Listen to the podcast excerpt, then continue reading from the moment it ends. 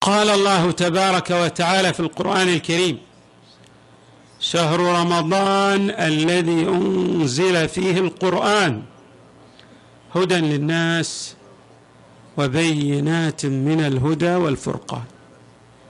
صدق الله العلي العظيم. شهر رمضان هو مأدبة أعدها الله للمؤمنين ولأوليائه الخاصين.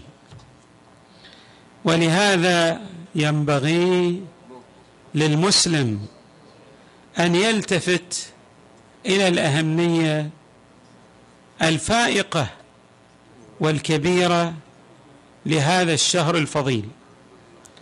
وسنستعرض بعضا من الروايات التي جاءت لتؤكد على بعض الأمور الهامة التي ينبغي للصائم أن يلتفت إليها. ينبغي للصائم في شهر رمضان بالخصوص أن يلتفت إليها. قبل أن نشير إلى هذه الروايات يحسن بنا أن ننبه على أمر.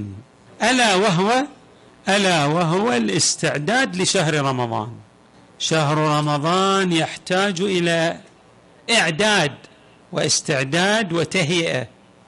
الأمور بالنسبة للعاقل الحصيف ديدنها كذلك.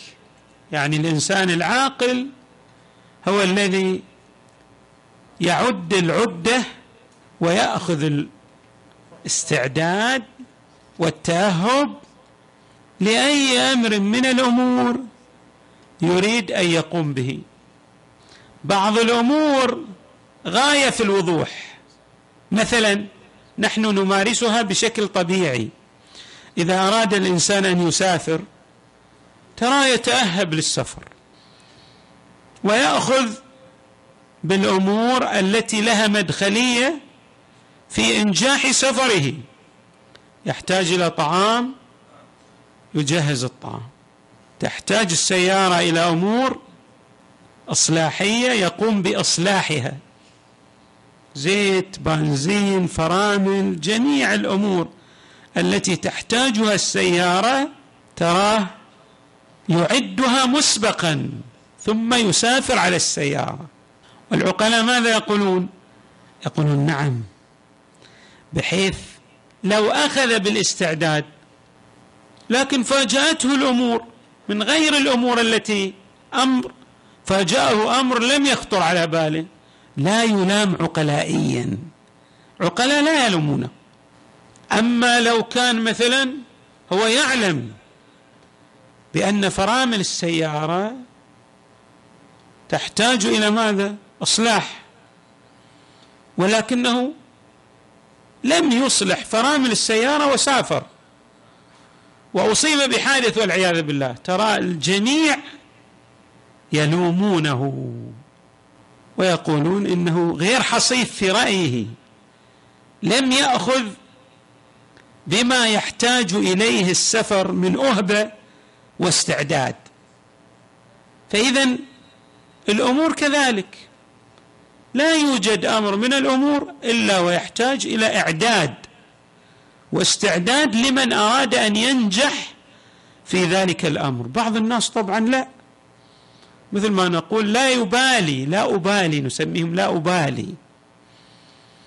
هذا لا يأخذ بالاستعداد للأمور التي يدخل فيها وبالتالي تراه لا يحقق قصب السابق. لا يصل إلى ما يبتغيه. ولكن في الأعم الأغلب الناس تأخذ بالاستعداد والأهبة كما قلنا فيصلون إلى نتائج مرضية. ترضي أنفسهم وترضي من يتعلق بهم. ضبط مثل الدراسة طلب العلم تجارة الأمور ديدنها كذلك. شهر رمضان من هذا القبيل. والشارع المقدس أوجد بعض المقدمات التي من خلالها يستطيع الإنسان أن يتأهب أن يستعد لشهر رمضان.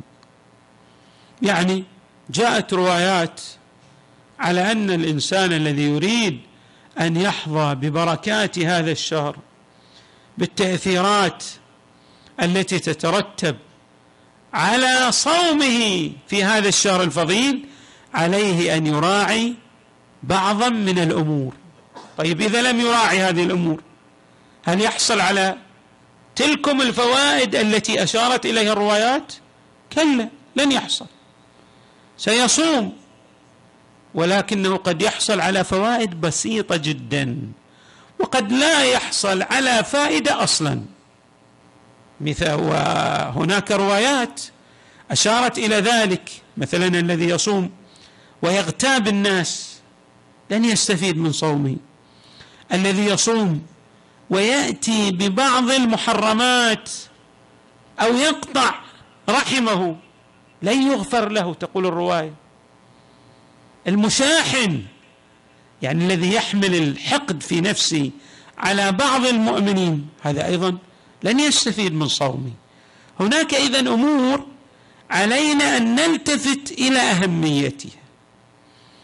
وتمثل الإعداد لهذا الشهر الفضيل. من الأمور التي أكد عليها الشارع أهمية أن يصوم الإنسان بعضا من أيام شهري رجب وشعبان. لماذا؟ اولا كما تشير الروايات الصوم يوجب غفران الذنوب ستر العيوب فإذا غفرت ذنوبه وسترت عليه العيوب أصبح متاهلا للدخول في هذا الشهر الفضيل. اذا هناك أمور الفت الانتباه إليها الشارع المقدس وبين الأهمية الكبيرة لها لمن أراد أن يحظى بهذه الخيرات والبركات. لا بد أن يلتفت إلى تلك الأمور. وإذا ضيع تلك الأمور يصعب عليه يصعب ليس بمستحيل ولكن من الصعوبة عليه أن يحصل عليها على تلك الآثار من الصعوبة بمكان. يعني مثل اللي كما قلنا واحد يذاكر طول السنة واحد يذاكر بس أيام الامتحانات. ذاك يدخل الامتحان اللي يذاكر طوال السنة وهو مطمئن القلب. يعلم. تكاد أن تكون نتائج الامتحانات بالنسبة إليه مثل الرياضيات زاد واحد زاد واحد يساوي اثنين. شيء بسيط جدا. لا يهمه أصلا. وتراه مطمئن في باله. ما عنده قلق. الأمر كذلك. لمن أخذ بالاستعداد للدخول في شهر رمضان. هو يرى أن النتائج ستأتي طواعية. ما يحتاج أن يبذل مثلا جهدا كبيرا. لأن الأمور بالنسبة إليه تأتي يعني بالشكل الطبيعي. الذي يأتي بعضه إثر بعضه الآخر. نشير الآن إلى الروايات. النبي صلى الله عليه وآله الطاهرين كان إذا رأى هلال شهر رجب شوفوا من رجب من رجب شفتوا الاستعداد؟ رأى هلال شهر رجب قال اللهم بارك لنا في رجب وشعبان. أنزل علينا البركات. بركات هي نوع من التوفيقات الإلهية ونزول الرحمات الخاصة. بعد النبي ليش يدعو بهذا الدعاء؟ ها. ثم يقول وبلغنا شهر رمضان. وأعنا على الصيام والقيام.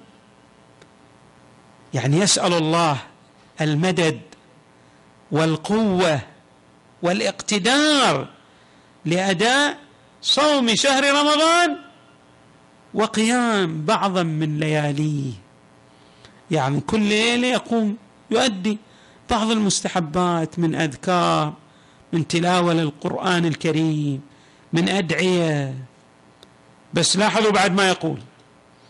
وحفظ اللسان. خل هذا اللسان ذا. ألجم لسانك. لا تتحدث. لا تتحدث بالحديث الذي يرديك ويوجب لك المهالك. روايات كثيرة في حفظ اللسان. بعد وغض البصر. جعلني ماذا؟ غاضا لبصري. لا أنظر إلى الحرام. في الرواية لا يغض المؤمن بصره عن الحرام إلا ويملأ الله قلبه من عظمته. مضمون الرواية. أو من نور عظمته.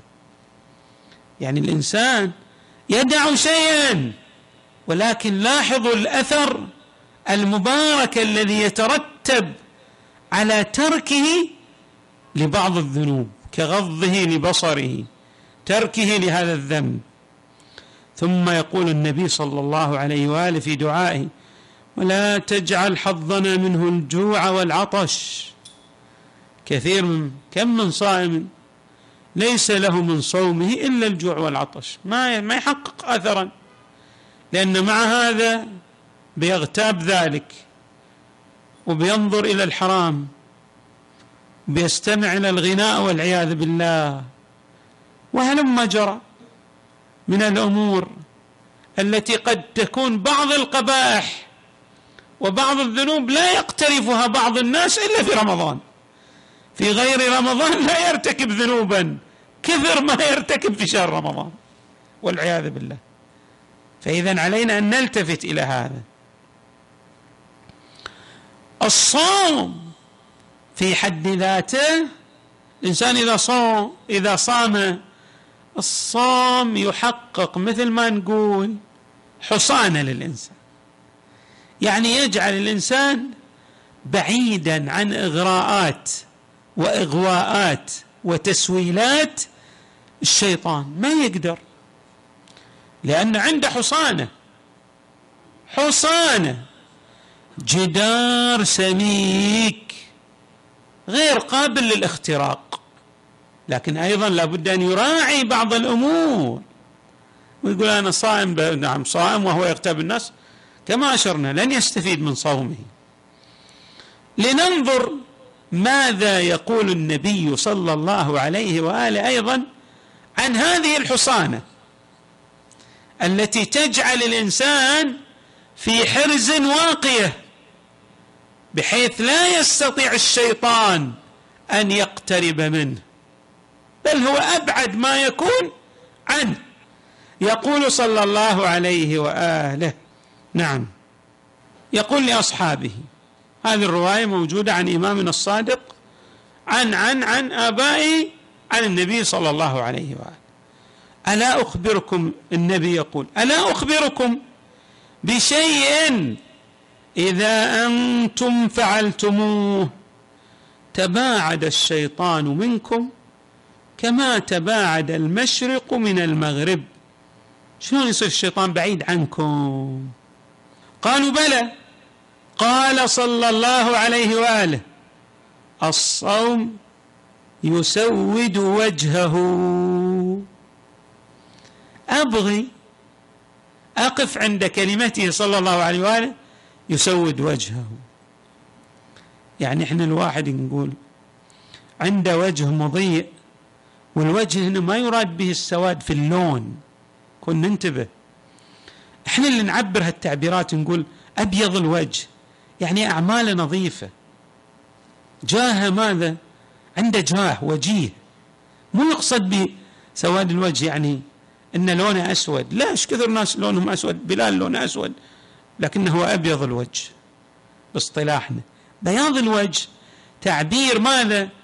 يراد به أن الإنسان نظيف مقبول الناس ترتاح إليه أعماله نقية. هذا يراد ببياض الوجه. سواد الوجه عكس من ذلك. إنسان ما يقدر يتحدث مع مع غيره لأنه يرى نفسه ماذا؟ قد خزي ما عنده ما عنده شيء يقدمه. فنقول وجهه ماذا؟ أسود قبيح. لأن ما عنده شيء يستطيع أن يتحدث به. كتلة من القاذورات كما نعبر. هنا يقول النبي الصوم يسود وجهه. شلون يسود وجهه يعني ما يقدر الشيطان يجي لك. شلون إحنا إذا ما عندنا شيء نقدر نطلب شيئا من شخص آخر وإحنا دائما نسيء إليه؟ ما نقدر. إن إحنا دائما في حالة حرب وإياه وإساءة إليه. فكيف نستطيع أن نستدر عطفه؟ ونحن في أقصى حالات البعد عنه ومنه. ما يمكن. فلذلك الشيطان كما يعبر النبي. عندما يصوم الإنسان ما يقدر يأتيك لأنه يصبح أسود الوجه.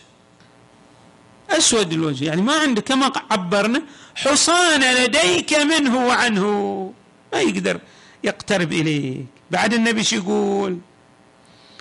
والصدقة تكسر ظهره. الإنسان يدفع هذا المال صدقة تقربا إلى الله.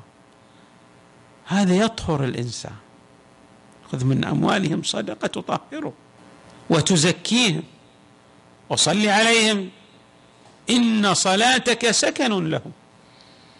اذا تعرفنا على الخصيصة الثانية. الواحد إذا مكسور الظهر يقدر يقوم؟ ما يقدر يقوم. هذا تعبير جميل. من لدن النبي صلى الله عليه وآله بأن هذا الشيطان ما عنده قدرة أصلا على القيام لمحاربتك والوقوف بوجهك لأنك سودت وجهه وكسرت ظهره بصومك وصدقتك. بعد. ثم يقول والحب في الله والمؤازرة على العمل الصالح يقطع دابره. يخلي إنسان ما عنده قدرة للاستقرار والجلوس أمامك. خلاص. أنت كأنك ماذا؟ يعني ما خليت له قاعدة. قطع قطع الدابر يعني نسف القواعد باصطلاحنا. بأي شيء؟ بالحب في الله.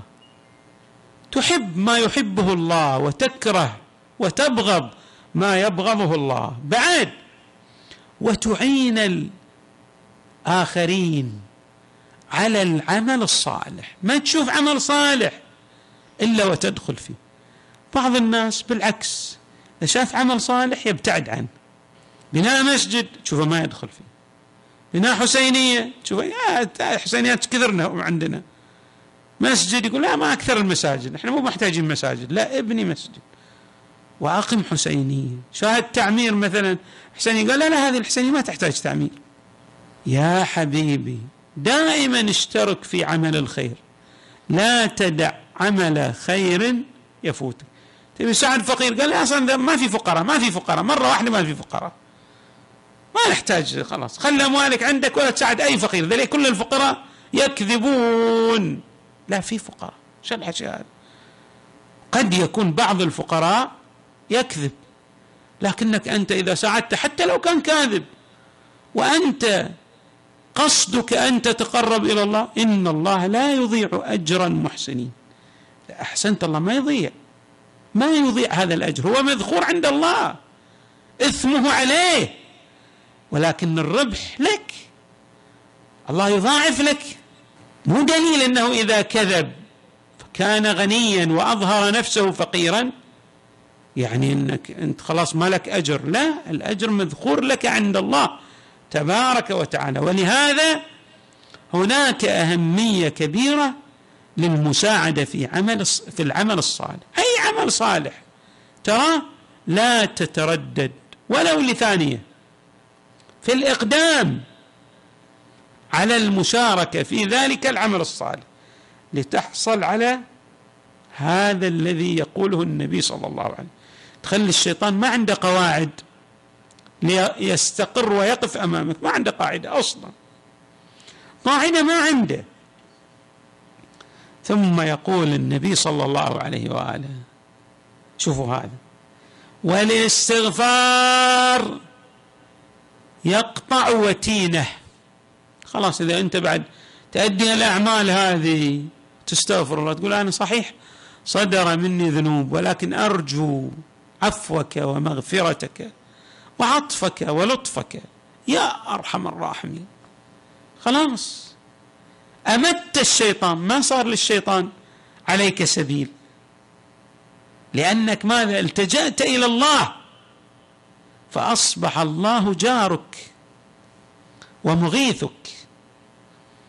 فقطعت وتين الشيطان. خلاص. أمته.